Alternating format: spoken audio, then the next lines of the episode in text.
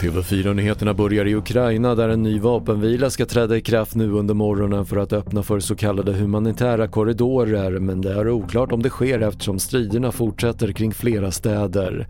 Igår ska cirka 5000 civila ha evakuerats från staden Sumi i en humanitär korridor.